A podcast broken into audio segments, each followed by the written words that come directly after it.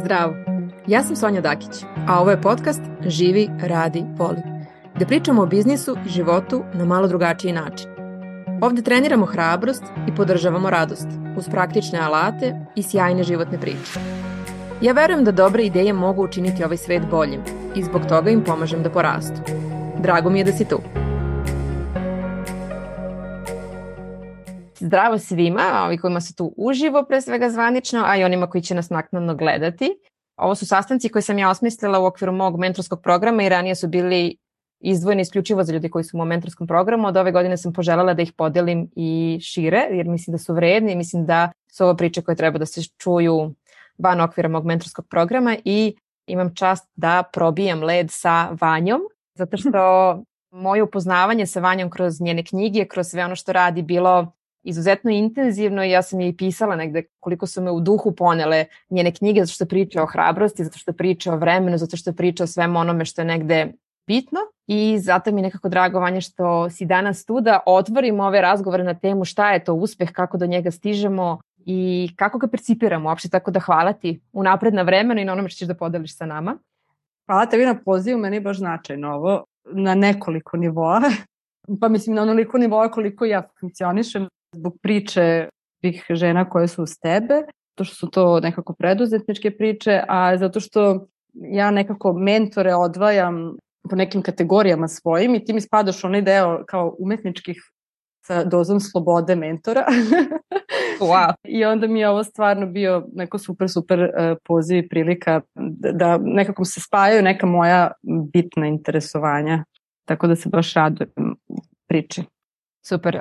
Naši razgovori zamišljeni, ovaj format sam ja zamislila kao opušteni razgovor na temu kako smo tvoje ideje podizali, kako smo od nekih možda čak i odustajali, ali pre svega i kao jedan dijalog koji može drugima da bude inspiracija i pokretač. Ti si mene pre nekoliko meseci takođe zvala da budem gost kod tebe u jednom live na Instagramu mm -hmm. i rekla si hajde da pričamo o pisanju. Ja sam rekla kako ja da pričam o pisanju, to mi je moja tema. Ali se ispostavilo da imamo što šta da se ispričamo i u stvari ja stvarno mislim da svako od nas ima puno toga da kaže na razne teme, a ne samo na one sa kojima se blisko identifikujemo. Tako da bih negde volila da počnemo naš razgovor od tog tvog nekog ranog identiteta koji si gradila, uh -huh. kao mhm. devojka koja je završavala književnost i onda umesto ideje da potraži posao, što se očekivalo, odlučila da upiše drugi fakultet.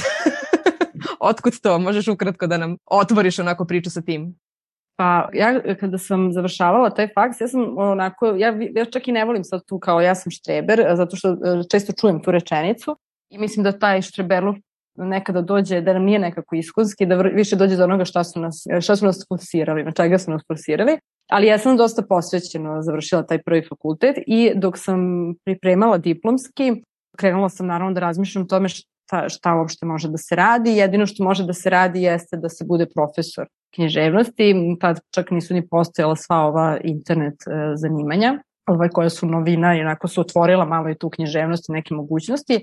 I druga stavka je zapravo bila šta ja mogu da radim, odnosno šta ja znam da radim. Bilo je znam da čitam knjige. Ja sam tačno znala koliko strana čitam u satu, koliko u, u tri sata, koliko u pet sati, u zavisnosti od toga koliko se umaram. Ali to mi nije bila neka veština. Bila sam u fazonu, pa to svi znaju. I u stvari šta, mene vuklo nešto ka tome da ja u stvari želim da param i meni imala sam potrebu za kreativnošću. Ja sam pre te svoje književnosti išla u neki dramski studio, kao bavila sam se glumom, ali u stvari nikad ja nisam tu na toj sceni se osjećala udobno, ja sam se uvijek osjećala udobno negde iza scene i odluka je praktično bila ta, ok, ja sad svakako ovo pripremam, šta mi treba za prijemni, pa treba mi da napišem neku dramu, pa dobro, znam da napišem dramu, ja ću sad to da predam, pa da pokušam. Više sam išla iz toga, hajde da probam da ne bude ono za 10 godina je što nisi probala. Pa uspem, ne uspem. Kao, svakako je uspeh ili neuspeh u tom momentu bio ovaj, određenje kao kojim ću putem da idem. A recimo Tako... sad, izvini što te prekidam, uh -huh. ali u odnosu recimo na prvi put kad si polagala prijemni na književnost, sad ovo što si rekla mi je nekako značajno kao nisi imala taj pritisak moram, znači već imaš jedan fakultet koji si mhm. završila, uh -huh. Kako bi poredila to, jer sad tu imaš i neke godine, znači neko sazrevanje, znači pristup kako si prvi put išla na neki prijemni sa očekivanjima i sa strepnjom i sa možda nekim strahom, a kako si im u drugoj, koliko je to možda uticalo na tvoj odnos prema samim studijama kasnije i radu? Pa što se prijemnog tiče, mislim da je pristup bio dosta sličan, to je iz onog štreberskog. Štre. da, modela, a plus meni je na prijemnom bila Vida Ognjenović. I to je kao kad imate tako neko ime koje sedi ispred vas, vi prosto pravite greške čak i kada nećete da ih pravite. I mislim da je to veliki teret bio za mene u tom trenutku. Tako da nisam imala ni manju tremu i zapravo sam imala čak i veću frku, ja mislim. Ali odnos prema studiniru je bio potpuno drugačiji, to jeste tačno. Mislim, nekako primarna razlika je bila ta što sam ja bila u fazonu, ok, ja sam se istudirala u smislu i žurkala, bančila, bila po domovima, u sve vreme studirala, znači nekako prošla sam tu fazu gde, gde sam studirala i bila dosta opuštena u svemu tome ja sad zapravo hoću da, da zaista naučim ovo i da što pre radim. Ja sam znala da vi na akademiji možete već na drugoj, trećoj godini, ako ste dobri u tome, da dobijete svoje prvo angažovanje, bez obzira na to što niste završili akademiju, masa umetnika u stvari nikad ni ne završi tu akademiju.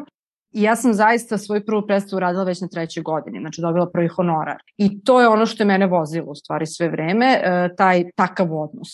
Da u stvari ja sam tu da pokupim znanje, i da idem dalje da radim. Mhm. E, I druga stvar jeste da sam ja znala da hoću da budem dramatik. To znači da sam znala da ima prostora za mene da radim, e, jer da sam čekala recimo da napišem dramski tekst pa da se on negde igra, možda bi dalje čekala, jer toliko se e, redko u stvari izvodi, ali meni zanimljiv proces i ja sam tela da budem deo tog procesa. Ja, ja volim pozorište u stvari i volim sve što se dešava oko pozorišta, volim glumce, volim njihov rad, volim da radim sa rediteljima, I tako sam ja i ušla u stvari u posao dosta brzo praktično. Te nekde ranije kad smo pričali ti si mi rekla da iako si imala prilike da radiš i za druge, ali nekako si imala ideju da ćeš raditi freelance, znači da ćeš biti negde sam svoj majstor i da će to biti neki tvoj model nekako si se odredila, iako nisi znala kako će to tačno da izgleda, niti to je da kažem jedan onako nestabilan svet u smislu -hmm. nemaš stalna primanja, nekada imaš tri projekta, nekada nemaš ni jedan. Šta te vodilo na tom putu? Ja moram priznati da sam ja sve vreme kao nešto, ne, tražila neki posao do jedne određene tačke i tu mi je dosta zapravo moj tadašnji momak, sadašnji suprug, ovaj pomogao rekao je, pa nisi što ti sad, ja sam jednom vreme radila u biblioteci u srednjoj školi u Novom Sadu, znači ja sam imala to kao, ipak sam ja nešto sa tom književnošću ovaj, uradila, da kažem.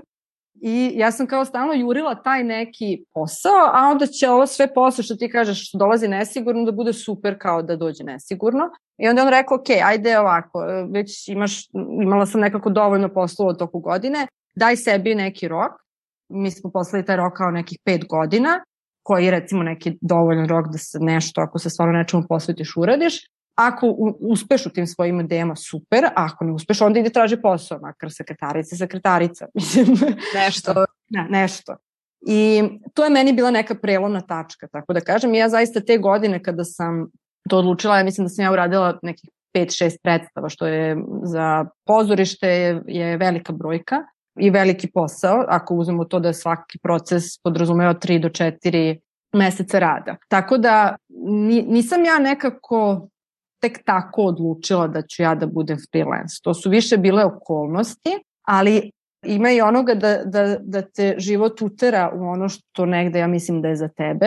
Tako da mene život stalno izbacivao iz koncepta posla od 9 do 5. I ja to definitivno nije moj, nije moj princip. I ja sam tako zapravo došla, ali je velika razlika, to sam sad shvatila poslednjih godinu dana, ajde da kažem godinu i po sa tačkicom, u stvari velika razlika između freelansa i preduzetništva.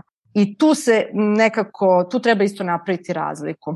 Jer ti nekako u preduzetništvu zapravo sam kreiraš svoj posao i suštinski od tebe sve zavisi, a u freelansu ti čekaš na druge. I to je ta neizvesna pozicija, sve čekaš, tu, da ti drugi daju zadatak, da ti drugi daju posao, da ti drugi daju pare, pa da li će biti pare ili neće biti para. Pa još ako si vezan za, znači ako to nisu projekti koji su, pošto sam ja dosta radila i za neke, da kažem, preduzetničke projekte kao copywriter, pa ako su to neke, neke priče tog tipa, to još i ok, može da se napravi neki dogovor, ali ako ti radi, da kažem, za državu, znači ako četkaš pozorište, to je onako jedna baš rastegljiva kategorija da ti potpuno je nesigurno u stvari. Dok ne, da, nemaš nikakva oslonac. Ja, ovo mi je sad super što si se dotakla tačkice. Mnogo ljudi ne zna zapravo, e, iako ti si negde to komuniciraš online, ali ne znaš šta sve ti radiš.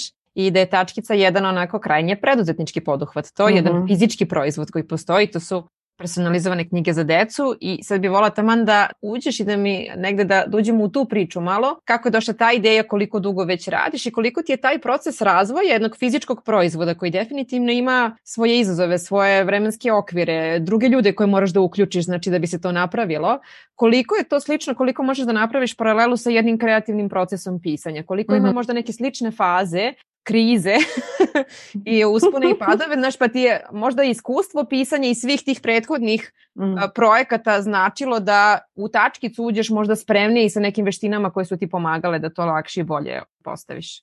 Ja nekako sve posmatram kroz pisanje i kroz taj proces. Ja volim da ga zovem wow, imam genijalnu ideju, sada ću svaki dan da radim na njoj, onda se desi recimo 5 dana, kaže ovo nešto nije u redu, a nema veze, rešit ću onda kao, aha, uspijem nešto malo da rešim, onda dođeš u fazu, o, ništa ne valja, ovo je puno sranje, zašto ja uopšte radim, ovo ko će ovo da čita i kome uopšte treba ovo. A onda neko kaže, ej vidi, pa mislim nije ti to toliko loše. Ha, nije mi to toliko loše, možda ipak mogu da... I to je zapravo taj, imam ja tačno tu liniju koja izgleda tako, ups and downs. I ja stvarno nekako sve što radim, tu mi je nekako e, vrhunac tog mog poređenja je moj rad za Beogradski trkački klub i za trčanje RS, jer kako je tekao taj moj put do tačkice. Ja sam tačkicu kao ideju zamislila, pa ja ne znam, mislim da ima sad već pet godina, nejasno uopšte, ja nisam imala pojma šta je to. Ja sam nekako uz tu dramaturgiju koja je jel da bila tako, imaš predstavu pa nemaš predstavu, spontano kao i većina dramaturga počela da se bavim copywritingom i to mahom pisanjem, pošto su mi u stvari baš izvezirani za pisanje scenarija, ja sam većinom radila neke scenarije za neke velike eventove i to su onako bili fini poslovi koji su bili super plaćeni, znači nisu neka sitna pisanja, nego to su opet malo duži i veći procesi. I onda sam u tome polako ušla u copywriting i, ma, i učila o tome dodatno, iako smo mi na faksu učili o copywritingu i pisanju, i počela u stvari da radim za neke preduzetnike, da tako kažem. Mislim, moja ideja je bila da želim da radim za preduzetnike. Jedan od njih je bio Beogradski trkački klub. To je bilo me, moje baš sjajno iskustvo koje je trajalo dve do tri godine. U suštini sav novac koji sam ja tamo zaradila sam uložila u tačkicu, zato mi je nekako važna ta spona. Ali ono što je mi interesantno jeste da ja tamo kad sam se pojavila, ja u životu nisam trčala. I meni je trčanje bilo kao hej, i onda sam počela njih da pratim, da ih slušam šta pričaju, da dolazim na treninge, onda su oni bili u fazonu, pa hajde kao dođi ti da trčiš. I onda kako sam čitala i te tekstove o maratonu, o maratonima, kako izgleda jedna priprema za polumaraton, za maraton, kako izgleda njihovi trenizi, ja sam shvatila da je to, da je to pisanje, da je apsolutno to pisanje. Da je put isti da je, u stvari. Da je put isti i da je meni u stvari na taj način lako da to razumem. I onda sam e, negde, pošto je trčanje stvarno jedan sjajan preduzetnički poduhod, u momentu kada sam ja tamo ušla, oni su imali e, u stvari biznis rane, znači to je ideja koja je ono, do te mere narasla, znači krenuli su od jednog sajta, od ono, trčanja RS, oni su sad onako jedna, ja, ja, pokret, ja, ja jedan se pokret, zezam, da. jedan pokret i jedna mala stvarno mašinerija unutra, oni imaju puno zaposlenih i, i sa stalno novim idejama. I meni je taj rad, da kažem, za njih, s jedne strane doneo za tačkicu da, materijalno, znači ja sam sve vreme u stvari skupljala uh, novac za tačkicu, ali istovremeno mi je doneo to da vidim kako preduzetništvo izgleda negde, ajde da kažem, iznutra. Stvarno mi je to bilo onako baš značajno iskustvo. I nekako tačkica je e, za mene bila baš to, da ja spojim prostor za kreativnost i da spojim to svoje neko znanje iz e, copywritinga, iz marketinga i da kreiram nešto samo svoje. Znači da polako taj rad za druge postaje manji, a da ovaj rad za sebe postaje veći. I negde, sad ne znam koliko, mislim, tačkica je nekako kao proces, kao i sad sam u drugom tomu, kao roman. kao da pišem nekoliko, nekoliko romana, znači sad sam u fazi drugog toma. Znači završila sam taj prvi, što znači da mogu da kažem da sam e, došla do nekog momenta prepoznavanja da ljudi e, koji, koji su kupci e, knjige da dolaze opet, da su zadovoljni, da sam potvrdila, kažem, neki kvalitet i da ona, ja volim da kažem, samu sebe sad već obraća i vrti, da je jasno koju priču pričam kroz to, ali početno to je zaista bila jedna tačkica koja se čak nije ni tako zvala. Ja sam na jednom programu postavila cilj koji sam tad ušla i postavila sam cilj koji se zvao knjiga. To je sve što sam ja imala u glavi, kao knjiga, knjiga za decu. I to me vozilo, kao ta knjiga. to je li inspiracija došla negde iz tvog iskustva majčinstva u smislu da si želela kada ne. si do... Ne, nema veze sa tim. To me svi pitaju. Ne, ja, ja imam svoju kolekciju knjiga za decu. Uh mhm. -huh. Ja čitam knjige za decu, čitala sam knjige za decu i pre nego što sam dobila svoju decu i sa Marijom koja je ilustrovala knjige, koja ilustruje sve knjige, e, zapravo osim što sam puno pričala o knjigama za odrasle, sam puno pričala, znači mi baš delimo istu tu strast i ljubav prema knjigama za decu. Tako da ne, nema, stvarno nema veze sa me, čisto ima bukvalno veze sa mojim ono, ljubavlju ka tim knjigama i tome šta sve može i nekom ja sam prepoznala da, na, sorry, zajedno smo to prepoznali da na tržištu ima prostora da, da se uđe sa nečim što je drugačije. To je isto bio nekako onako podstrek za mene. U momentu kad sam ja krenula sa tačkicom nije postojala ni jedna personalizovana knjiga, sad ih ima i zato je to drugi tom. Sad se igram i sa konkurencijom i sa svim nekim stvarima koje nisu bile u tom momentu kada sam ja podizala sajt i pravila sve, ove, nisu bile uopšte aktualne. Koliko tačkica već dugo postoji? Koliko je taj neki ciklus do sada? Pa zvanično, sad evo 22. juna slavim rođendan u smislu da sam zvanična, znači da se knjige prodaju, što je za mene velika stvar, znači da se knjige prodaju preko poslovnog računa, mm -hmm. ali stvarno jeste velika stvar, jer to je za mene nekako bilo, aha, to, tu sad pravim ugovor sa samom sobom da je to preduzetnički poduhvat.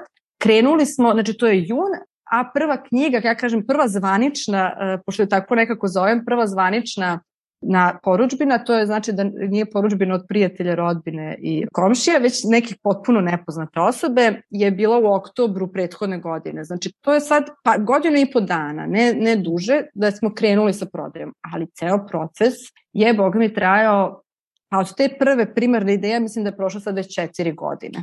Ja obično, do... da, moja procena je da je za proizvodni biznis potrebno od godinu do dve, od začetka, znači od te neke iskre ideje do materializacije, da ti zaista držiš svoj proizvod u ruci, onda ljudima to obično zvuči kao puno, ali stvari da to putovanje je neophodno da bi stvarno došlo do, do nečega iza čega treba, iza čega želiš da staneš sa svojim imenom mm. i prezimenom. Mislim da je to naš kao to, kao da li ćeš ti sa svojom firmom, da li ćeš to da staviš u neki pravni okvir i da kažeš ok, ovo je sad biznis na kome ja radim. Šta su bila tvoje očekivanja, šta si mislila kako će to izgledati na početku, jer uvek imamo jednu sliku, a šta te je možda najviše iznenadilo, ili gde si sebe najviše iznenadila na tom putu? Ja moram da priznam da ja nisam imala puno očekivanja. možda je to dobro. pa možda jeste, da, mislim, nekako ja sam samo želela da to, e, mislim, to, to je ono što mi je, što mi je najviše iznenadilo. Ja sam želela da dođem do toga da ja to držim u rukama. Mhm. -huh. Znači da to što je bilo samo neka potpuno kao ta neka tačkica u univerzumu da dođe do tog proizvoda, jer e, to je podrazumevalo da prođe štampariju, da prođe, ja imam knjigu za kutiju, da, da prođe nek, neka razna vrsta testiranja. E, generalno naći štampariju koja će vam štampati, ako vi sad kažete danas jednu knjigu, a da će stvarno to uraditi i neće vam reći, e, ja sad nemam vremena zato što imam, ne znam, drugu poručbinu, to je bio onako jedan baš dug put a da ta cena bude isto e, prihvatljiva, znači da ne bude cena koju će meni štamparija dati, da ja posle kada dodam e, da, da nemam ništa od toga. Mada ja jesam napravila veliku grešku sa cenom. Ali to si sad korigovala, to smo to pričali. To sam sad korigovala, da. Ovaj, ali puno sam ja tu učila u stvari usput. Mada moram da priznam da mi je nekako sad, e, baš sam dosta stvari analizirala i sad stvarno pravim neku ono, potrebu da pravim sledeći stepenik, imam neku potrebu da idem sledeći stepenik ovaj, tač, sa tačkicom. Nekako sve stvari gde sam napravila grešku, ne, nemam neki, nemam problem sa tim, da tako kažem. Dosta sam, mislim da mi je možda najveća greška bila ta što nisam uvek slušala intuiciju, što mislim da sad imam utisak da je u preduzetništvu dosta važno to sam tu pristupila štreberski, negde sam zato počela da taj svoj štreberski moment ovaj, mm -hmm. isključujem, e, jer sam ja onda otišla na sve edukacije o marketingu, na sve edukacije o Instagramu, na sve edukacije, znači stvari koje mi trebaju i koje mi ne trebaju, trošila sam puno vremena i često sam slušala savete kojim se zapravo nisu ispostavili kao dobri za mene. I onda mi je trebalo, ne znam, dva, tri meseca da ja kao, aha, sad ću probati ovo što mi je neko rekao, a u stvari da ne radi negde u početku sam imala osjećaj, aha, pa nije to moj put, ali sam, kao nema veze, sad neko mi je rekao, pa ću ja to da probam. Tako da tu sam negde naj, te, te greške bih možda volela da nisam napravila, mm -hmm. moram da priznam. E, a moram da pokažem, pošto sam spremila, sad sam slučajno da. našla, ovako sad tačkica izgleda. I sad Aha. tu se isto svašta menjalo. Recimo, mi smo menjali korice, pošto je ovde bilo, o, bilo je samo moje ime, ovde nismo imali ništa. Pa smo onda ovde pravili da piše ime sajta, da, da piše ko su autori, izdavač. Ali sam našla sad, ovo je, yeah. je ovo je jedna od prvih u stvari štampanih knjiga koja je imala taj meki povez, koja je imala čak ilustracije drugačije unutra, drugačije je bio raspoređen tekst i to mi je sad bilo super što sam našla, to je u stvari ono priča o procesu. Jel yes. da? Mi, smo, mi imamo nekoliko ovakvih knjižica, imamo neke samo na papiru, pa koje, koje, koji format, recimo ovde smo shvatili da nam ovaj format definitivno ne funkcioniše, jer ne možemo knjigu, ne znam, tražiti tu cenu za knjigu koja ovako izgleda i tako neke stvari. Znači, to su sve neke vrste kalkulacija, da tako kažem. Pa i to je taj put upravo razvoja, što kažem, yes. posebno kad je fizički proizvod u pitanju, prosto moraš da kreneš da ga praviš da bi video šta si zamislio, gde si pogrešio i, i negde je bitno da vidiš kako drugi ljudi reaguju na to. Tako da mislim, posebno pošto ti radiš svaku, svaka knjiga je proizvod za sebe u tvom slučaju. Da. To nije jednako ide u velikom tiražu, nego ipak je svaka personalizovana, nosi neku priču, mora da se prilagodi, ima taj neki lični pečat, ajde da kažem, ali da li misliš sada, pošto tebi nije tačkica bila glavni biznis koji si razvijela, više je bila neki projekat sa strane, kako bih ga ja sagledala. Da li misliš da je zato, zato možda ovo što si rekla nisi imala prevelike očekivanja, u smislu nisi opterećivala sebe da to mora, da ne znam kako bude sad uspešan biznis i da ga negde finansijski možda postavljaš. Znači, da li te je to rasteretilo i dalo ti možda priliku da se više igraš u tom procesu, pa i da praviš greške i da možda prolaziš te neke edukacije, ali da ti da prostor da ti u stvari nađeš neki put i model za sebe? Znaš što je mene dosta rasteretilo? Rasteretilo me je to što ja nisam imala velika početna ulaganja. Znači ja kada sam stavila na papir koliko će da me košta sajt, pritom sam sajt recimo platila samo programera zato što sam svoje drugarici koja je dizajnerka, ja pisala kopi za njen sajt, znači bukvalno smo imali, praktično nisam platila ništa, kompenzaciju Znači, ja kada sam sve to stavila na papir i kada sam izračunala da to nije neki veliki iznos, posebno nije veliki iznos ako pričamo o tome da je to lansiranje nekog biznisa, mene je to u velikoj meri rasteretilo. Znači, bilo sam upozorila, ha, pa ovo je kao neka, ne znam, dva žešće letovanja, ok, znači nećemo otići na dva letovanja i tu se završava stvar. I mislim da mi je ta vrsta odsustva straha zapravo, ovaj, jel da, pošto smo počeli priču od toga, da me rasteretila i da sam možda mogla da budem i kreativnija, ali dosta opuštena u tome. Mm -hmm. I isto tako nisam jurila, ja i dan danas ne jurim sad, ne znam, da imam ne znam koliko poručbina mesečno. Ja stvarno mislim da dolaze ljudi, posebno sad, znači kad postoji konkurencija, i onda kad me neko pita za konkurenciju, ja nemam problem sa konkurencijom, zato što ono što, što je primarno u odnosu na druge te e, knjige jeste da mi autorski stajemo ispred ovog projekta i da, i da smo negde u tome, Marija već godinama ilustruje knjige za decu, ja sam radila puno predstava za decu i ta neka vrsta slobode koju smo sebi dali, mislim da je isto dosta, dosta tu igrala. Znači, apsolutno. I, I da kažemo danas opet tačkica nije neki glavni tvoj fokus, ti radiš i druge stvari i opet se uh mhm. -huh. najviše baviš negde pisanjem. Osvrnula bi se sada negde na tu priču o strahu i na tvoje knjige koje si iznala i to su, ja, ja ih imam obe ovde, obeležila sam sebi i plašim se i jebe mi se, znači super su mi, ovaj, meni su prvo privukle pažnju naravno onako direktnom porukom naslova, a onda su me potpuno upile kada sam krenula da ih čitam. Ja, ja dosta čitam stručnu literaturu i malo vremena zapravo izdvajam za neke romane i drugo štivo, ali tvoje knjige su me prvo oduševile ja pošto sam se dugo godina bavila dizajnom, ja volim kada neko raširi taj okvir dizajna. Ja kad mm. sam prelistala tvoju knjigu, sam bila ja napokon, napokon da se neko podigra, ono, razigrao sa prelomom, paginacijom, uh, izašao iz tog okvira knjige, poglavlja, sadržaja, svega. Meni je to prvo, prvo bilo iskustvo kad sam čitala knjige set godina, bilo mi je krajno frustrantno jer on nema nikakvu strukturu svojih knjiga. On bukvalno čovjek ima samo gomilo blog postova koji su skupljeni, nema nikakve teme, nema nikakve odjeljke i samo ide iz teksta u tekst i ti nigde ne možeš da staneš, kao sad kao pročitaš jednu glavu pa kao zaokružiš nešto.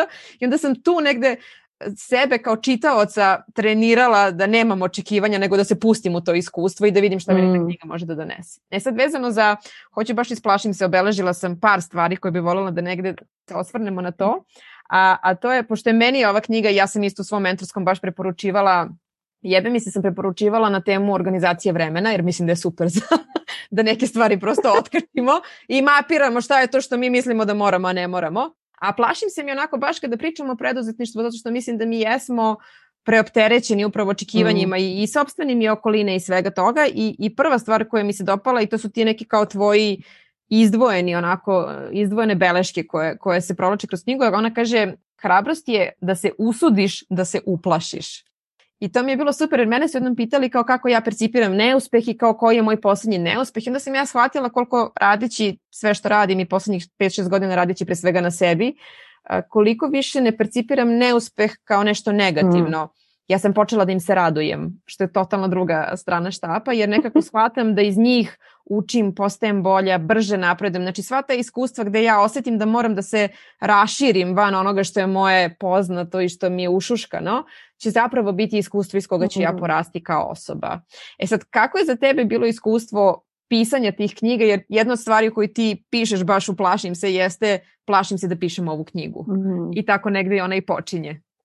Pa, pošto počela sam priču sa onim postavljanjem ciljeva, znači ja sam postavila tad davno cilj da, koji se zvao knjiga i tek kad je izašla jebe mi se, ja sam shvatila da je to taj cilj. I da, ovaj, onda mi to bilo fenomenalno koliko neki ciljevi negde i postavimo svesno, ali suštinski i podsvesno. Obe su one vezane za strah. Jebe mi se isto ima jedan deo strahu. E, samo se na različite načine e, obraćaju, da kažem, različitim temama životnim. Moja prva knjiga je u suštini neko moje razračuravanje sa tom književnošću e, i e, sa time da se usudiš u stvari sve ono što, e, što si učio da ne smeš, jer e, ljudi kada studiraju književnost, dosta ljudi ode tamo sa nadom da će pisati i sa željom da piše.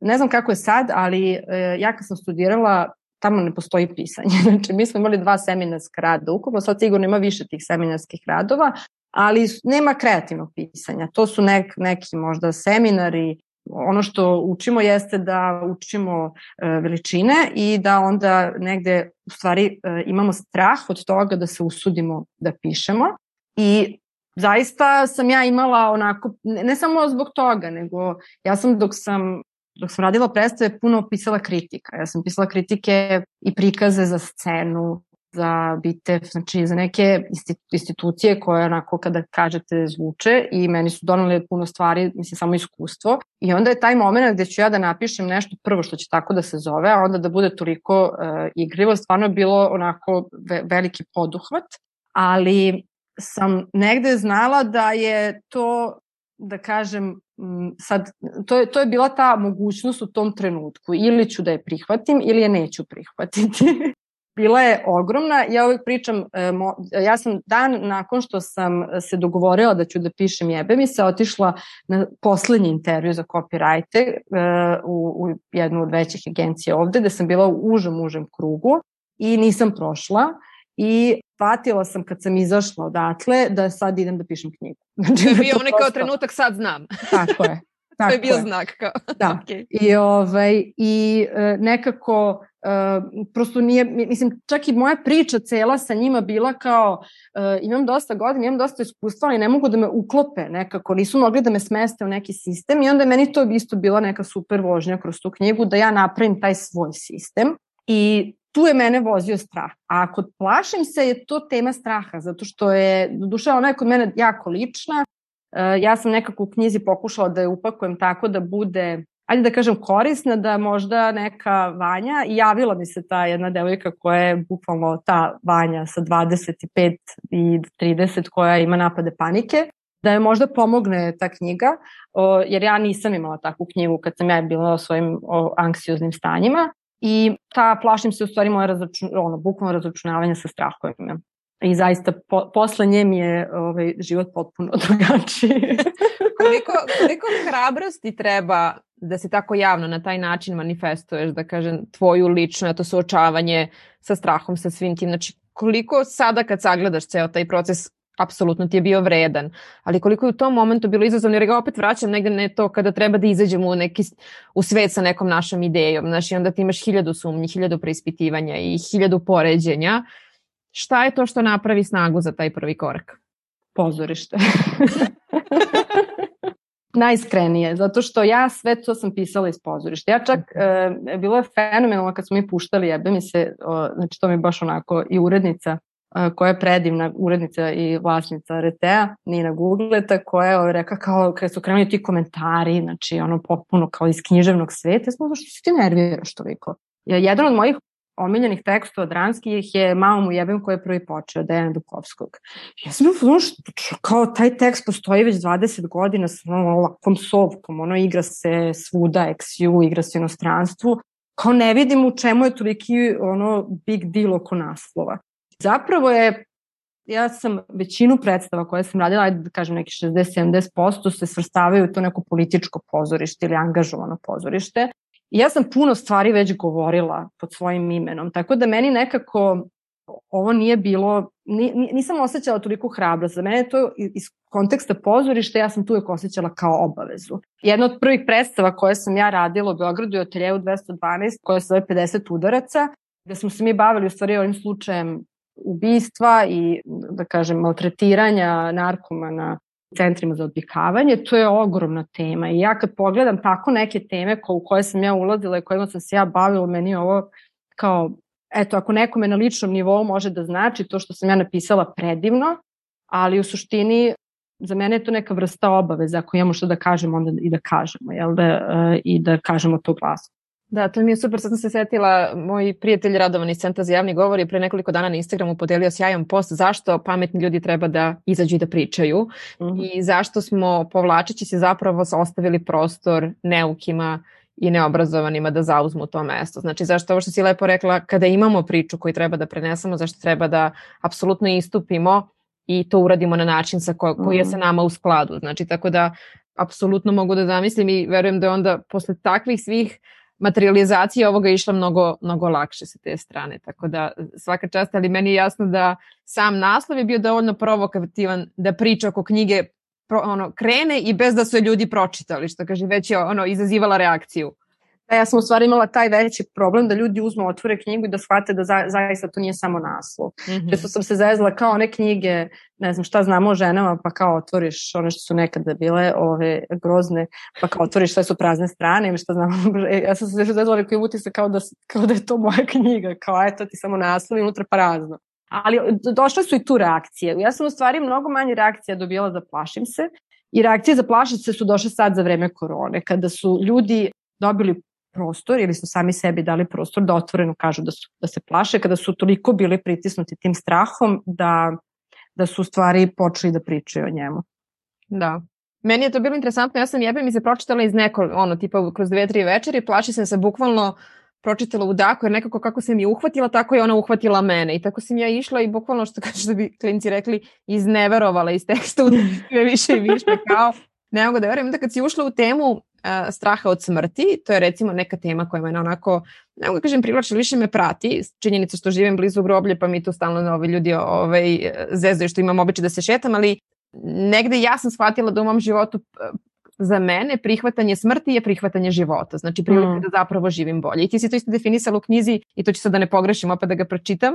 Kada se plašiš svakoga dana, umireš svakoga mm. dana. Mnogo je lakše umreti jednom. I to mi je bilo ono kao, to je to. Znači, mi stalno vezujemo strah kao nešto što nas parališe, umesto da probamo da nađemo način da ga koristimo kao pogonsko mm. krivo upravo za taj neki razvoj, za intenzivniji, puni život. E sad, šta, je tebi, šta su tebi donela iskustva, pisana knjiga i to je, to je sad opet otvorilo neki novi svet i ono čime se danas možda baviš i opet menjaš način na koji radiš sa ljudima. Šta je danas neka tvoja motivacija zašto podržavaš i otvaraš prostor da drugima budeš podrška da ispričaju i da napišu neke svoje priče? Pa baš zbog toga što ima ta neka, to stalno nekako volim da ispričam, upoznala sam tri, četiri devojke iz Koreje i nekoliko njih iz Japana na nekim uh, volonterskim letnim kampovima i te tri, četiri devojka koje sam baš tad upoznala su sve svirale instrumente. Neke od njihovih tradicionalnih instrumenta, neke, ono, neke su svirale po dva, tri instrumenta i ja sam bila ubeđena kako one studiraju muziku. Jer rekao mahom smo tu došli i svi smo bili podeljeni, to su umetnički kampovi, svi smo bili podeljeni onako ono, po onome što smo studirali. I da bi ja recimo posle nedelju dana shvatila da one devojke, recimo jedna studira ono, programiranje IT, o, druga je isto na nekom prirodnom fakultetu i kao ostala sam potpuno šokirana zato što, a pritom stvarno kao sviraju ono u smislu, kako bih rekla, vladaju instrumentom. I onda sam saznala da a pošto sestra moja sad živi u Gracu, kod njih je vrlo slično, počinje ta rana edukacija dece o, baš, baš, baš kad su, ono, do, mislim već u vrtićima oni imaju te neke muzičke radionice. Prosto e, se, kažem, podrazumeva da će svako svirati neki instrument, bar jedan. To je kao neka opšta kultura. I onda je meni to kao informacija bilo fenomenalno, jer pritom je muzika nešto za čega stvarno bi trebalo da imaš talenta da, bi, da, da se uopšte uhvatiš jel, da instrumenta. A za pisanje čak ne moramo ni da imamo talent. Znači, e, možemo da ga imamo malo, ali da sa svojim trudom, voljom i željom uradimo mnogo i mi nekako to ne koristimo. I to je ono što je meni sad motivacija. Ja sam radionice pisanja počela da držim, ne znam ni kako bih rekla, ne mogu da kažem slučajno, ali to je neko, e, dok je Arete imao svoje prostorije, pošto sam ja dve godine bila u Areteu i kao urednica i kao copywriter i, i razne sam funkcije imala odjednom, kako to već ide u tim malim firmama. I postoji jedan prostor koji je bio fin i ja sam ono kao predložila da držim tu neke radionice, pa kao možda se neko pojavi, jel da? Ove, I onda se ispostavilo da ne samo da se ljudi pojavljuju, nego da, da traže, znači da postoji neki kontinuitet. I onda sam iz toga, iz razloga zašto se ljudi pojavljuju, iz priča koje žele da ispričaju, u stvari došla do toga da svi imamo bar jednu priču koju možemo da, da napišemo i da to ne mora nužno da bude knjiga, da nama knjiga, kao ovo moja jebe mi se, mislim, neko je zamislio da knjiga ne sme da se zove tako.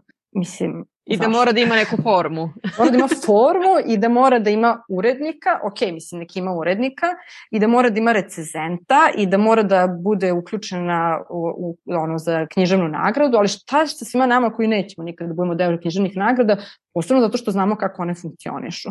Znači ja sam toliko dugo bila u svetu pozorišta e, i u onu sterinom pozorju da apsolutno znam kako to funkcioniše gde su neki moji prijatelji dobijali nagrade za najlošije predstave da bi im se odužili za onu godinu kada su nekom drugom morali da daju. To je samo jedna od priča. Tako da to je meni ono što je trenutno nekako motivacija, a mislim da me najviše motivisala negde na nekom nivou i zabolela, zato što ljudi koji dođu kod mene na radionicu su vrlo često oni koji su voljeli da pišu i onda su otišli nekim drugim putem zato što je bio isplativiji. To je ono kada biraju šta će da studiraju deca, a onda mama je. i tata kažu neće se toga leba najesti, je li tako? Da. I sad kada su došli do te isplativosti i kada imaju ta svoja sredstva, sad mogu da plate neku radionicu pisanja i da se posvete tom nečemu što im je nekada bila velika ljubav. Ja sam imala izuzetno talentovane ljude na radionici i to je ono što je meni onako jedna velika tema, to je to pitanje e, zapravo umetnosti i pitanje toga e, da, da, li, da, da, li, ono, da li je isplativo ili nije isplativo. Posebno u našoj državi gde je umetnost i dalje, umetnost, kažem ja posmatram iz pozorišta, ali nije samo tako, tako je ono u većini grana, da kažem, gde su stvari subvencionisane. I onda ti čekaš da ti neko da priliku i onda ti neko da priliku koja se razumemo nikad ne bude toliko sjajna. Mislim, to kako se sklapaju predstave, bukvalno se sklapaju to je onako ovaj, predstava za sebe. I, ovaj, I onda treba još dodatno i da sve kao sediš, čutiš pa ćuti, imaš to bio si priliku. Nekako. Treba da budeš srećan, tako. Treba da budeš srećan i, i onda je to meni ono što mi je trenutno motiv negde i sa tačkicom, negde i sa mojim radionicama, da zapravo dam ljudima priliku, -hmm. zato što im možda neko nije dao priliku ili im neko nije rekao da je to okej, okay, ili su imali nekog profesora književnosti, što se isto često dešava, ja sam imala jednog takvog, koji je rekao da to nije za njih, da se ne piše na taj način, jer e, ne mora neko ni knjigu jel, da, da napiše, može, ne znam, ja često razmišljam kako neke moje dnevnike će čitaju moje čerke i kako će im biti verovatno značajne jednog dana u životu. Neko možda, evo sad sam imala devojku koja je pisala pisma svojim prijateljima zato što je imala, zato što je došla do takvog trenutka u životu da je to bilo potrebno i žela je nekako da ih strukturira, koncipira, da ima neko ko će da vodi kroz ta pisma mnogo razloga zbog kojih ti mo, mi možemo da pišemo. Tako da to me sad vodi. da. Kada sam ja bila gost kod tebe, znači ja sam negde isto pričala o tome koliko je meni pisanje zaista kao terapija. To je jeste jedna izuzetna introspekcija. Sad me interesuje po tebi šta je bitno kada, kada si u toj prilici da budeš podrška drugima na, na, na putu razvoja njihovih ideja i njihovih priča. Šta je neki bitan element tog puta? Znači šta je mm. tu poenta? Usuditi se, osloboditi se, dati sebi tu dozvolu. Znači šta ti vidiš negde kao faktor uh, koji možda kasnije utiče i na proces i na rezultate. Znači ne, ne moraju svi da izađu sa knjigom, kao što si rekla, to mogu da budu pisma, može da bude nešto će ostati samo u našoj svesti za našu dušu, da se prosto mi bolje upoznamo sami sa sobom. Ali šta je tebi negde onako, šta vidiš da je bitno kroz taj proces da ljudi dopuste sebi da bi zaista to imalo neki efekat? Ja često kažem da ja uopšte ne pričam o pisanju, da ja pričam o pozorištu. Ove, mene pozorište učilo procesu i uh, učilo me tome koliko je, znači sve tim stvarima uh, gde zapravo u pisanju ljudi ne daju sebi slobodu, da preškrabaju sobstveni tekst, da bace sobstveni tekst, da postave sebi, uh, ono, uh, vi imate datum premijere koji se pomera nedelju ili dve, ne, ne više od toga. Znači, prosto tad, tad mora. Tad, tad izlazi predstava. Ne, Jel ne dobro, postoje. da, sad mi je to interesantno što si spomenula, pošto si rekli to da si sebi dala rok pet godina da razviješ svoju priču na početku. Da li misliš da je to dobar model? Jer ja isto volim za neke stvari, prosto sad daš sebi rok i onda kao gotovo, upravo zbog te borbe sa perfekcionizmom, zbog stalnog odlaganja, strategije izbegavanja koje mi sami koristimo. Znači, da li je to neka dobra metoda koja može da se primeni na razna druga polja onda? Pa ja volim da postavljam takve rokove, ali gledam da budu, ajde da kažem, u okvirima nečeg realnog. Znači da, to, da sam postavila sebi rok da godinu dana razvijem biznis, onda bi se posle godinu dana verovatno pala u oči, zato što, mislim, to, to nije realno.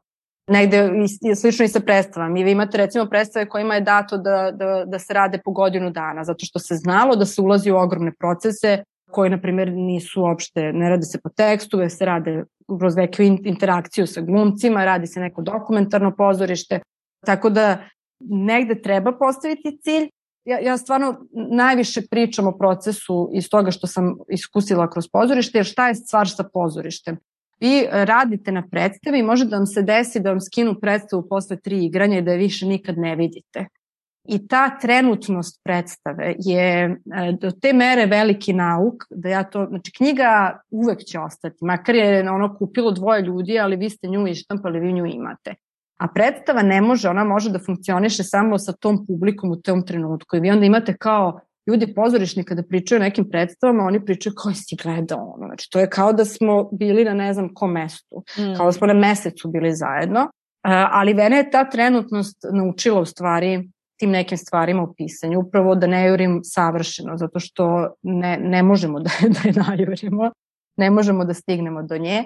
E, naučila me je tome da postavljam rokove, naučila me je tome da brišem sobstveni tekst. Sama kada glumci izgovore, kažem, još ako su neki da glumci. to se sve, to, to je, ali nekad i shvatim, shvatimo, mislim ja bar shvatim koliko sam, koliko ta rečenica nije dobro zvučala dok je neko nije izgovorio. Tako da e, zapravo me to, znači ja tako nekako i pričam o pisanju, da i, i najviše pričam o procesu. Mislim da je upravo svest o procesu i ideja o procesu, zato meni je super što i tvoj program traje toliko koliko traje, jer to je isto ideja o procesu, da možeš i da promeniš ideju svoju, da možeš i da odeš u drugom pravcu. Ja imam ljude koji dođu da kažu sad ću opišem ovo i posle tri meseca su napisali nešto sasvim drugo. I to najviše volim u stvari, jer znači da su pustili nešto, da su pustili verovatno čak neku ideju koju su godinama nosili, a koja pitanje zašto im je tu bila bitna. I tu je isto taj nivo nekog terapijskog pisanja, jel, da, da, mi, da se otkačimo od tih nekih ideja, da, da, nam, da nam ne budu bitne.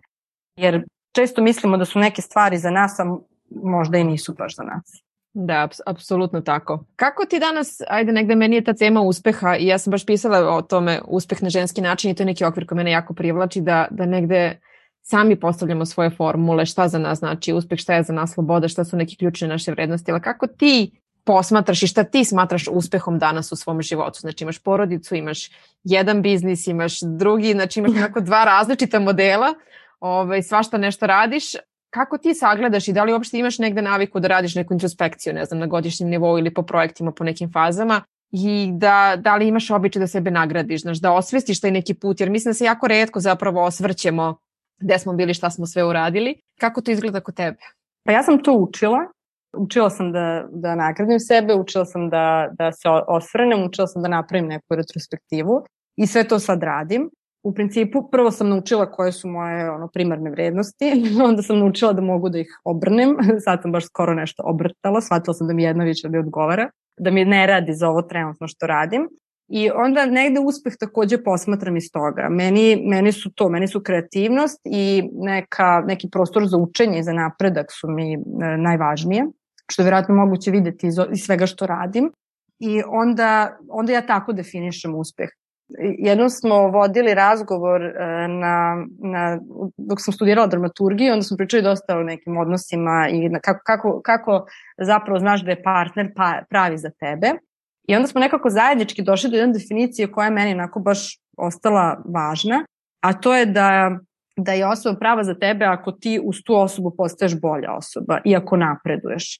I ja nekako tako ja to doživljavam uspeh, da kada se, ne znam, sad pogledam januar u odnosu na danas, da mogu da polistam neke stvari koje ne čak, to nije pitanje ciljeva, ja mislim, nego je to više pitanje toga da li sam ja, zato što za mene je uspeh e, ne mora nužno znači, ne znam, moj biznis je sad ovde, nego pitanje gde sam ja.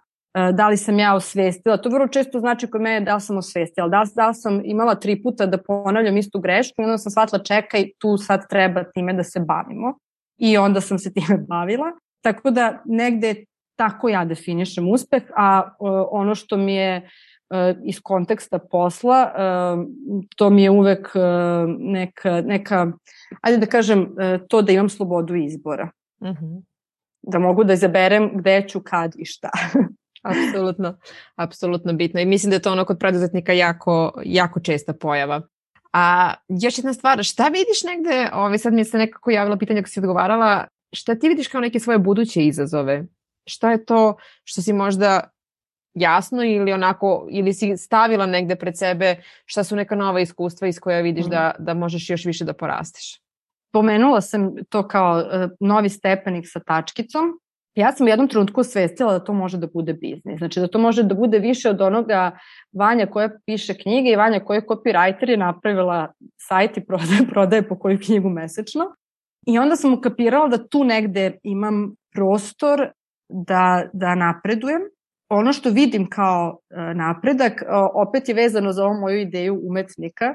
Ja u stvari maštam o tome da za ne znam, tri ili pet godina mogu, zahvaljujući tačkici, da zaposlim neke umetnike koji će zaista raditi na način na koji žele. Da, mislim, ja imam neki tim sad koji je tu oko mene, mislim tim, to su većinom neki ljudi koji su opet izašli iz pozorišta s kojima sam ja godinama već u nekim projektima koji su rade video radove, koji rade fotografije, koji ilustruju i u stvari ta mogućnost da ja njih platim za njihov rad, da zajednički nešto stvaramo, pošto su svi oni u početku stvari to činili zbog mene, ja te stvari nisam platila na početku, da tako kažem. Meni je, mene to sad, na primer, vozi izuzetno, da, ne znam, sutra zaposlim nekoga, a negde onako dalje, zapravo imam ideju da ako moje čerkima da se stalno zezam da će moj sestrić, pošto je tako sam nešto nežan, da će on da nasledi tačkicu. da ako neko od tih klinaca poželi da se bavi umetnošću, da ima prostor za to. Uh -huh. Uvijek se setim svoje drugarice koja kaže, pa ništa, mi ćemo sad raditi korporativne poslove, da steknemo da bi naša deca mogla da se bave umetnošću. E, e nekako ja sam u fazonu, hajde da ovaj, ja njima napravim prostor da se bave umetnošću, ako im to bude interes ali takođe što kaže uživajući u tom procesu, da ne moraš da radiš Tako nekog drugog. Hoću samo da pročitam dve rečenice iz uh, Jebe mi se na temu slobode koji si napisala, to je ceo tekst koji meni bio fenomenalan i meni sloboda isto negde bila ključna i kažu za preduzetnike da im je sloboda jedna od viših mm. onako vrednosti jer zato i tražimo te neke svoje modele. Ali ti si napisala lepo, kaže sloboda je kada rešiš da ne trčiš za autobusom, sloboda je kada trčiš, a ne moraš. I sad imaš ti dalje nastavljaš ovaj ceo spisak, ali meni to je bilo super, to kao mogu, a ne moram. I meni jedna drugarica to rekla baš koja trči maraton i kada mi je objašnjavala taj proces i onda sam ja to slušajući njeno iskustvo shvatila kako je to recimo baš jedno dobra, dobar trening za postavljanje ciljeva i za iskušavanje sebe i shvatanja da na tom putu ima svega koje, znaš, ovaj, i koliko je taj moment triumfa kada ti zaista završiš, kada prođeš mm. kroz tu kapiju, koliko je bitan, da negde samog sebe pobediš na tom putu ali ovaj, ta sloboda jeste nešto da ti sebi zaista daš pravo da ne moraš da budeš deo nekih priča, da ne moraš da budeš deo nekih okvira. Zašto ti sebi možda danas najviše daješ slobodu? Kako to kod tebe danas izgleda? Pa, možda ne u potpunosti, ali idem ka tome da dajem sebi slobodu da imam prostor da čitam i da stvaram. Da to ne bude vreme koje ću da onako kao čeprkam ovaj, od, od celokupnog dana gde radim nešto drugo, e, nego da bukvalno upišem na prvo mesto na listi što evo sad radim, ne znam, danas čita novu knjigu na kojoj radim, danas pišem na nove knjizi, danas radim na nove knjizi, E, I to mi je nekako, da kažem, trenutno, ovaj, trenutno najvažnije u tom kontekstu slobode, jer to je ono što, to je ona književnost koju sam učila da čitam, pa sad nekako... da ne napuštamo da. Da ne napuštam tu veštinu. Apsolutno. Dobro, i knjige su stvarno, ja kažem, jedno bogatstvo, jedni svetovi koje, koje onako se otvaraju pred nama bez da, da se pomerimo iz svoje dnevne sobe. Dolaze kod da. nas, tako da to, to je super.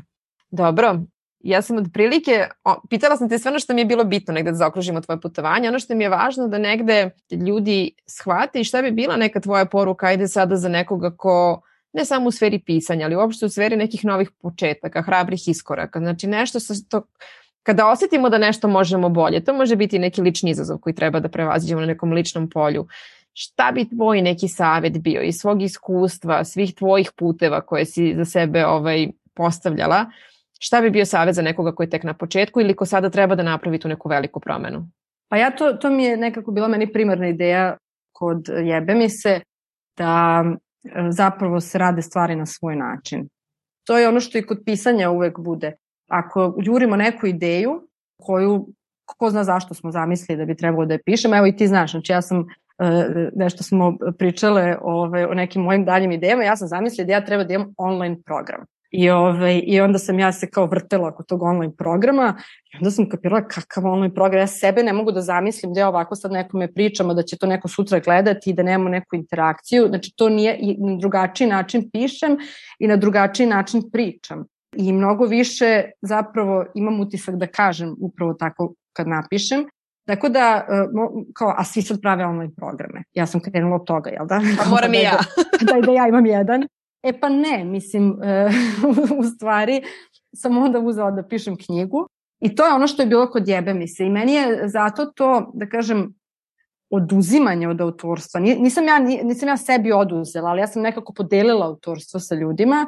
To nekako ljudi ne daju često priliku da, da ti sebe dopišeš negde, da tako kažem. E to mislim da može biti super poruka da, da se nađe taj neki prostor gde ne, ne, može, ne može mi sad smisliti ne znam kakve genijalne ideje, ali postoji prostor gde možemo mi na svoj način novi reći nešto. To je, ja kad sam upisala akademiju, moji profesori su bili svesni da ćemo mi doći sa brdom predrasuda o pisanju i onda je tu bila jedna rečenica koja je meni ostala, a to je da, jesu sve priče nam pisane, apsolutno to ne, ne sporivo, ali samo vi danas živite vaš trenutak. I ako ga vi ne napišete, onda sutra neće neko imati da, da, da priča o njemu ili da čita da o njemu da, i da ga proživi. Ove, a setila sam se još jedne stvari, to mi je nekako sad super kad si, kad si rekla ovaj, vezano za proslave, da li proslavljamo stvari, uh, odnosno svoje uspehe. Opet pozorište, jel da? U pozorištu postoji premijera. I kako god da je sklepana predstava, vi ćete obući najlepšu haljinu, i ćete da je kupite. Znači mi svi kolektivno idemo, kupujemo ne znam kakve haljine. To, to je proces koji bude podjednako važan kao i proces predstave. U pozorištu se kupuju pokloni mesobno koji se dele nakon onog aplauza koji prođe. E, to su neke sitnice uvek, ali se, e, to je baš neko običaj da se razmene te pokloni. E, I eto još jedna e, baš važna i lepa stvar koju pozorište zapravo ima, Bez obzira kakva je bila publika, mislim, često vi na toj premijeri imate neku kiselu publiku, ovaj, tek čekate onu posle pravu publiku, mm. ali je proslavite.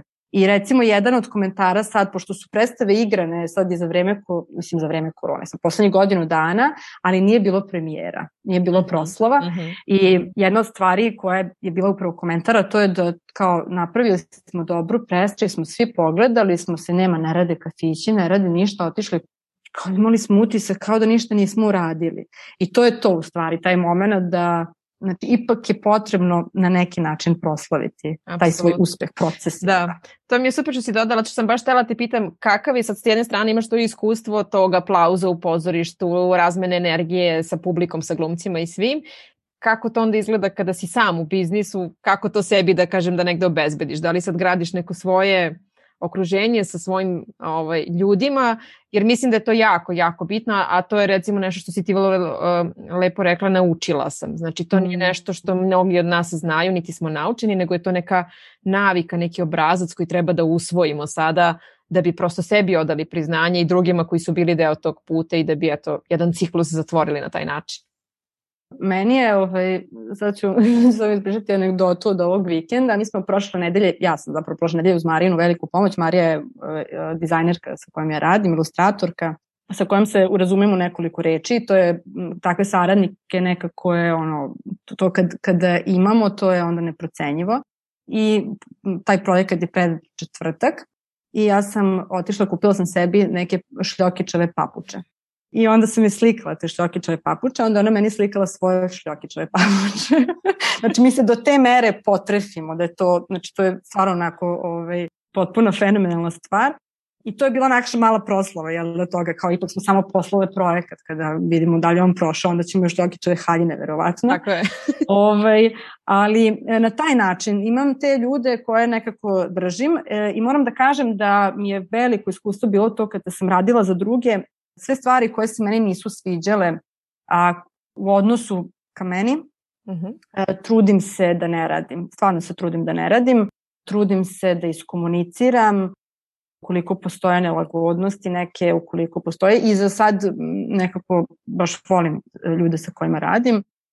Internet je zlato za to što pozorište e, inače ima interakciju Ja sam dobila interakciju u svojim knjigama, ovaj, svaki put je dobijem, evo sad sam dobila taj devojčica što sam rekla Mala Vanja, ona je balerina koja je otišla u Dado, imala je, imala je problem da izađe na scenu, onda je našla moju knjigu i na, na kraju je govorila deo iz knjige kao monolog na završnoj uh, priredbi u Dadovu. Tako da meni je to kao, to mi je dovoljno. Eto, to mi je bilo za ceo prošli mesec, ono uspeh. da. da mi je ona postala snimak, znači nekako mi je to bilo to.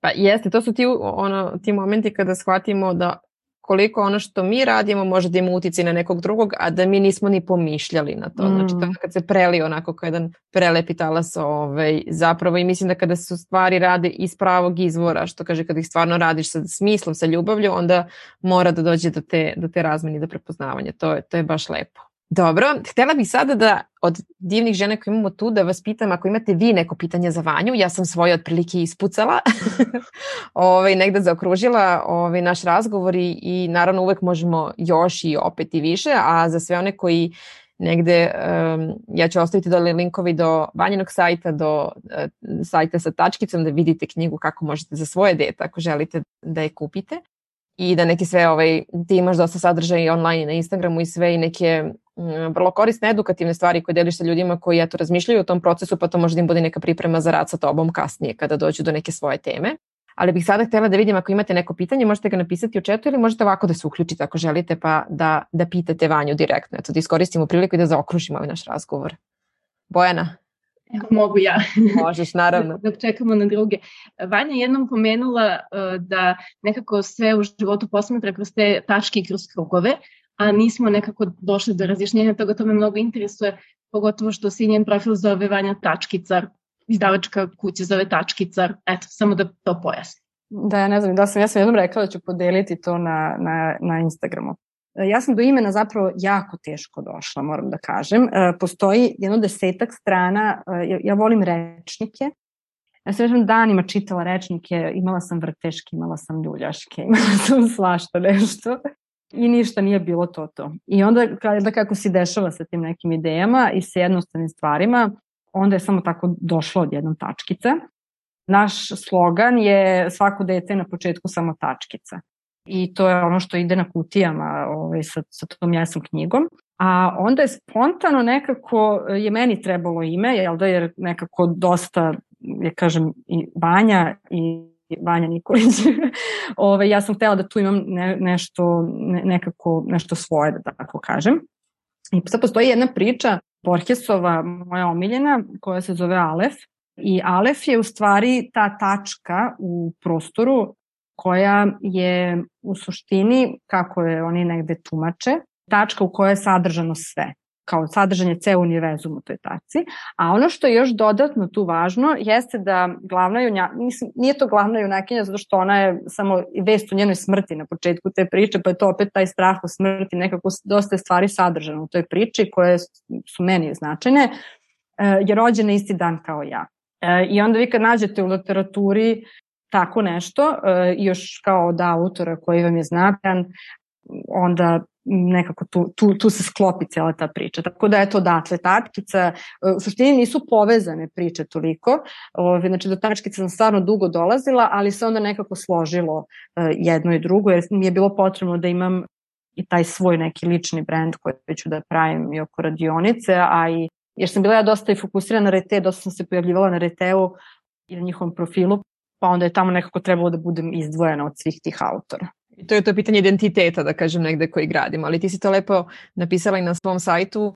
Dobro je da znamo kada, na koje reči treba da mhm. stavimo uh -huh. veliko slovo, na koje tačku ili gde ćemo da. staviti zapetu. Tako da to može da ima onako višestruku simboliku, ali to, po, yes. to određivanje imena negde jeste onako ume da bude prilično glavobolja i moje isto iskustvo je da često dođe u tim momentima kada se utišamo malo, kad se umirimo i onda što ti kažeš poklope se neke kockice i mi nađemo, ovaj, mm. nađemo svoju simboliku. Meni isto bilo interesantno za moj program kada mi je prijateljica koja me zna onako iz najbolje namere rekla, ona je u prvoj generaciji moje bila i rekla, znaš šta, slušaj, ovaj tvoj naziv živi, radi, moli, meni ništa nije značio pod milim Bogom, ali ja sam znala ko si i šta si ti, ja sam zbog tebe pa da. došla, ali kao samo da znaš, kao možda ljudima to neće biti jasno I meni je to bilo jako vredno jer je, mislim, meni je to više bila neka moja lična mantra i kao eto sad sam to smislila, sad ću to da stavim, što kaže, isto kao što daj, daj, nikada ništa nije značilo, smo mi izgradili neku priču oko njega.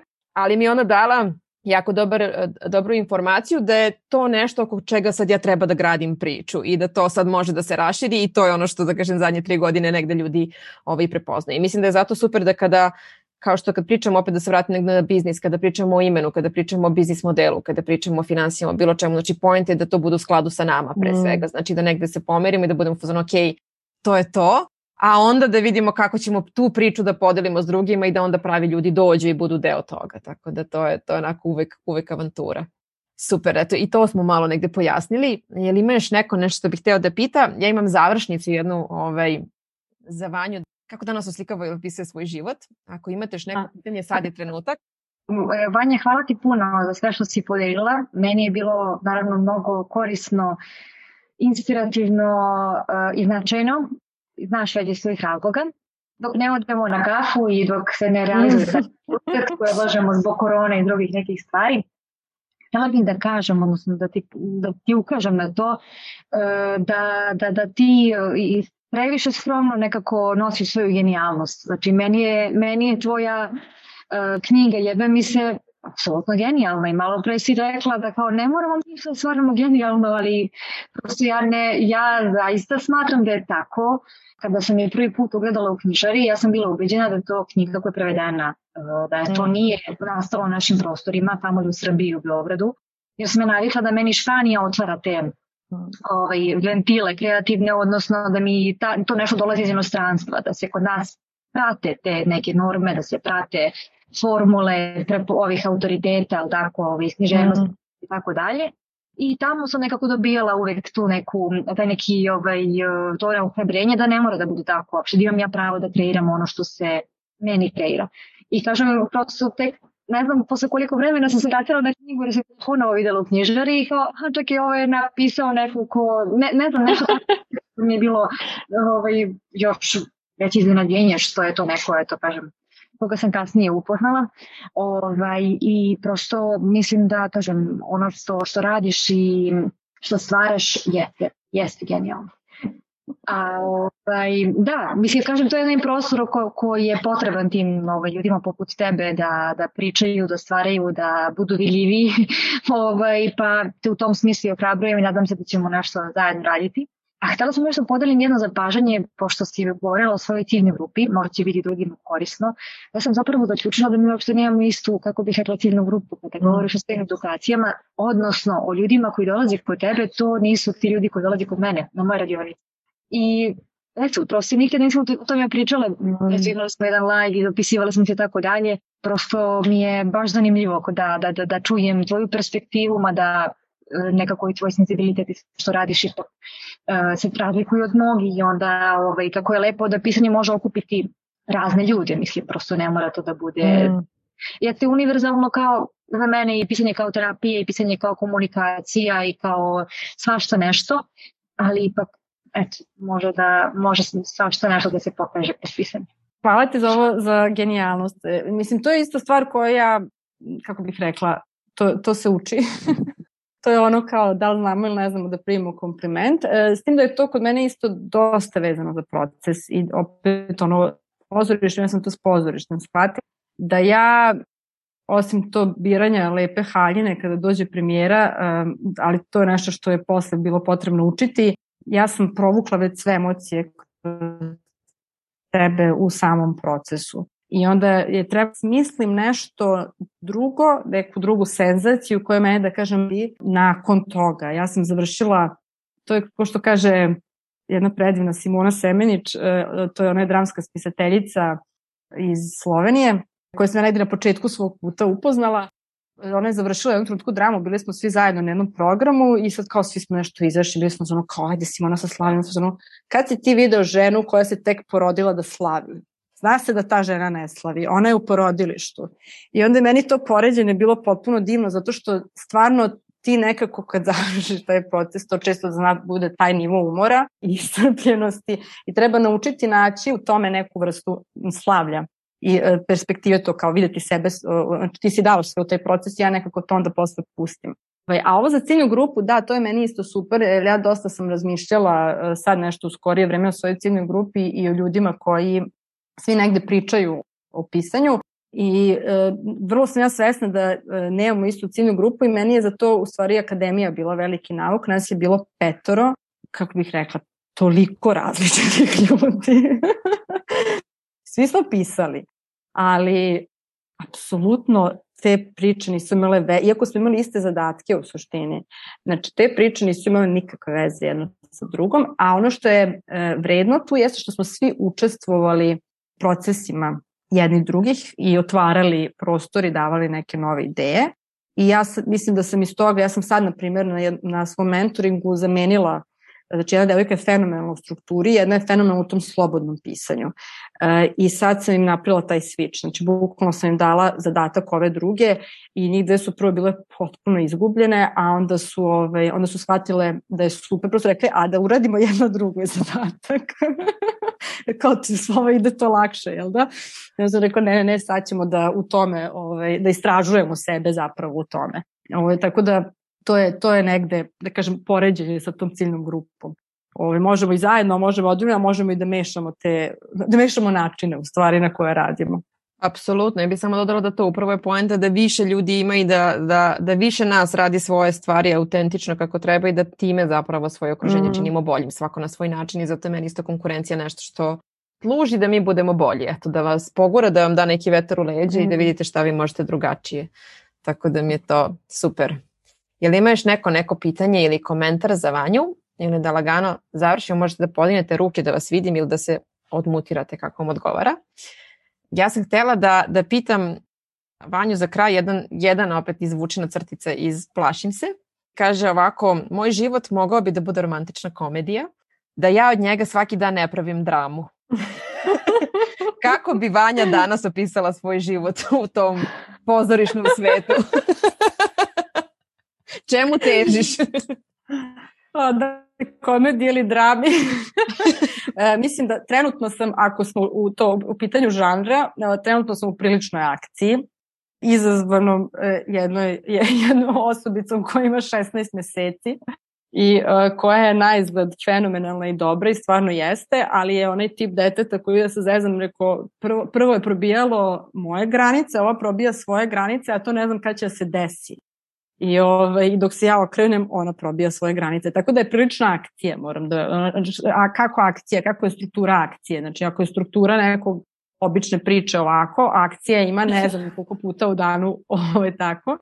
I onda sam, e, ono, ako shvatim da sam to ono, uskočila onaj bus što juri i ide mi da ga ovaj, vozim, onda, onda stvarno vozim najvećom brzinom i gledam da što više stvari obavim. Što bi rekla Marija, nemoj da staneš kada imamo nešto važno da radimo, onda ona ukapira da sam ja u tom, nazove me, beba vrišti, ja pišem, njoj šaljem, ona kaže, samo nemoj da staneš, ako staneš, shvatit ćeš šta je sve oko tebe.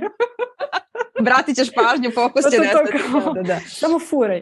A ako ne uskočim u taj bus, onda sam, to je ono što sam učila zapravo prethodnih godinu dana, onda sam u fazonu, ok, ne ide, neću ni da forsiram. Tako da, nako, pa, mislim, to je ona akcija, reda ne može ni stalno biti akcija, već imate one ljubavne scene u akcijnim filmovima kada se malo i upoznaju. kada se malo smire, kada se desi neka ljubav. Tako da eto, u tom sam žanru. Super. Ja ti to odgovara onda? to je skroz ok. Da, Dobro, da, da. za kraj moje poslednje pitanje, na, na čemu si sebi pre svega zahvalna? Kad sagledaš neki svoj put zadnjih godina, znači šta je to nešto zbog čega onako sama sebi odaškaš svaka čast? Na upisivanju akademije. Mhm. Mislim da, da nisam to uradila, da bi potpuno bila na nekom drugačijem putu. Uh, jer to je u stvari bio prvi trenutak kada sam shvatila da može na drugačiji način i da ne možeš i o, da se razumemo, ja nisam imala kompletnu podršku u tome, jer prosto mene kao roditelje četiri godine izdržavali i sad je kao trebalo ja idem se iz početka. E, tako da bilo je tu različitih vrsta, što je moja mama, moja mama je dugo shvatala uh, dramaturgiju kao moj hobi. Kao ona će biti profesor, ovo će biti hobi. Tako da raznih je tu, na različitim nivoima je tu bilo i preispitivanja i borbi i ovaj, hrabrosti, potrebe za hrabrošću, tako da na tome, zaista na tome sam najzahvalnija sebi i to je bila, to je bio, kako, ako posmatram i pisanje, ja sam taj, tu dramu jako brzo napisala, predala i ona je bila dobra zato što je napisana iz stomaka. Zato što je zapravo bilo moje prvo terapeutsko iskustvo, a to je, mislim, terapeutsko u smislu da mi je pisanje terapije, jer me malo pre toga tadašnji ovog prevario. I onda sam ja sve to izlila tu dramu, imala sam sukob, fenomenalno. Sve je bilo tu. sve što je drami potrebno i bila sam primljena. Tako da, ovaj. Da. tako da tu sam sebi, znači, bukvalno nekako taj sklop. To je bilo nedelju dana. Ja sam došla iz Matice gde sam po ceo dan čitala, bukvalno po ceo dan, pola osam ujutru, pola osam uveče radila Matica. Ja sam došla, počelo je sterijno pozor, ja sam pogledala dve, tri predstave i znala sam da je prijemni. Ja sam došla i rekla, ja bi da to upisujem. Pritom je prijemni recimo bio za 5 dana. I tata je bio, pa šta treba da uradiš? Pa ako treba da napišem dramu, može da napišem dramu, pa valjda mogu, nemam pojma. I eto, mislim, ta, najzahvalnija, zato što sam i pustila sebe da to napišem i zato što sam, zato što sam nekako pustila sebe da, da, da bude na drugačiji način. Super. Ovo mi nekako sve se lepo zakružuje, ja često imam taj hashtag hrabrost se uvek isplati. Znači mislim mm -hmm. da mhm. hrabrost da pratimo te neke svoje osjećaje, čak i kad ih ne razumemo, apsolutno negde uvek da. pokaže da su bili pravi. Tako da hvala ti pre svega za ono što radiš i što si bila hrabra da ispratiš svoj put i nek, nekim drugim uh, ljudima osvetliš njihov pre svega. Hvala ti za iskreni razgovor danas. Uh, pričat ćemo i radit ćemo još i nadam se da će biti još nekih lepih prilika i knjiga koje ćemo slaviti, mm -hmm. uh, čitati i deliti ovaj, i, i, ovaj, i želim ti puno sreće svakako na svim svojim projektima dalje koje ovaj, ostvariš, a ne sumnjam da će ih biti i da će biti izazovni i radosni, ali to, me, to mi jeste poenta, zar ne? Da, hvala tebi i baš sam uživala, ovo mi je nekako bilo. Ove, ovaj, što kaže Jelena, ja u stvari ne pričam često na ovaj način, to je vrlo tačno. I ne pričam često o ome i bude mi, bude mi prijatno, ali onda sam nekako pozvano, ok, sad sam završila, sad ne moram neko vreme da se pričam na ovaj način. Ovo je taj ciklus, sad ćemo da ga podelimo i da ne moram. Da, Super. Da, da. Tako da hvala ti što si me otvorila u tom smislu. Drago mi je i čast mi je bila zaista. Ove, ovaj, hvala i vama devike što ste nam bila onako dodatna energija ove, ovaj, da budete tu i da podelite s nama ovo. Tako da nadam se da se uskoro vidimo sa nekim novim ove, ovaj, razgovorima. Mi se svakako vidimo i dalje u programu da radimo na, na dobrim pričama i dobrim idejama. Hvala, hvala zaista svima što ste, što ste bili to. Hvala ti na slušanju. Ako znaš nekoga kome bi ova epizoda dobro došla, prosledi link slobodno. Neka to bude tvoje dobro delo za danas. Ako želiš više da znaš o tome šta ja radim i kako možemo raditi zajedno, poseti moj sajt na adresi www.sonjadakić.com. Na mom Instagram i YouTube kanalu možeš pronaći puno besplatnog sadržaja, a ako imaš neko pitanje koje želiš da prođem u narednoj epizodi ili imaš tu ideju koja ti ne da mira, piši mi. Do sledećeg slušanja želim ti više hrabrosti i radosti u svakom danu.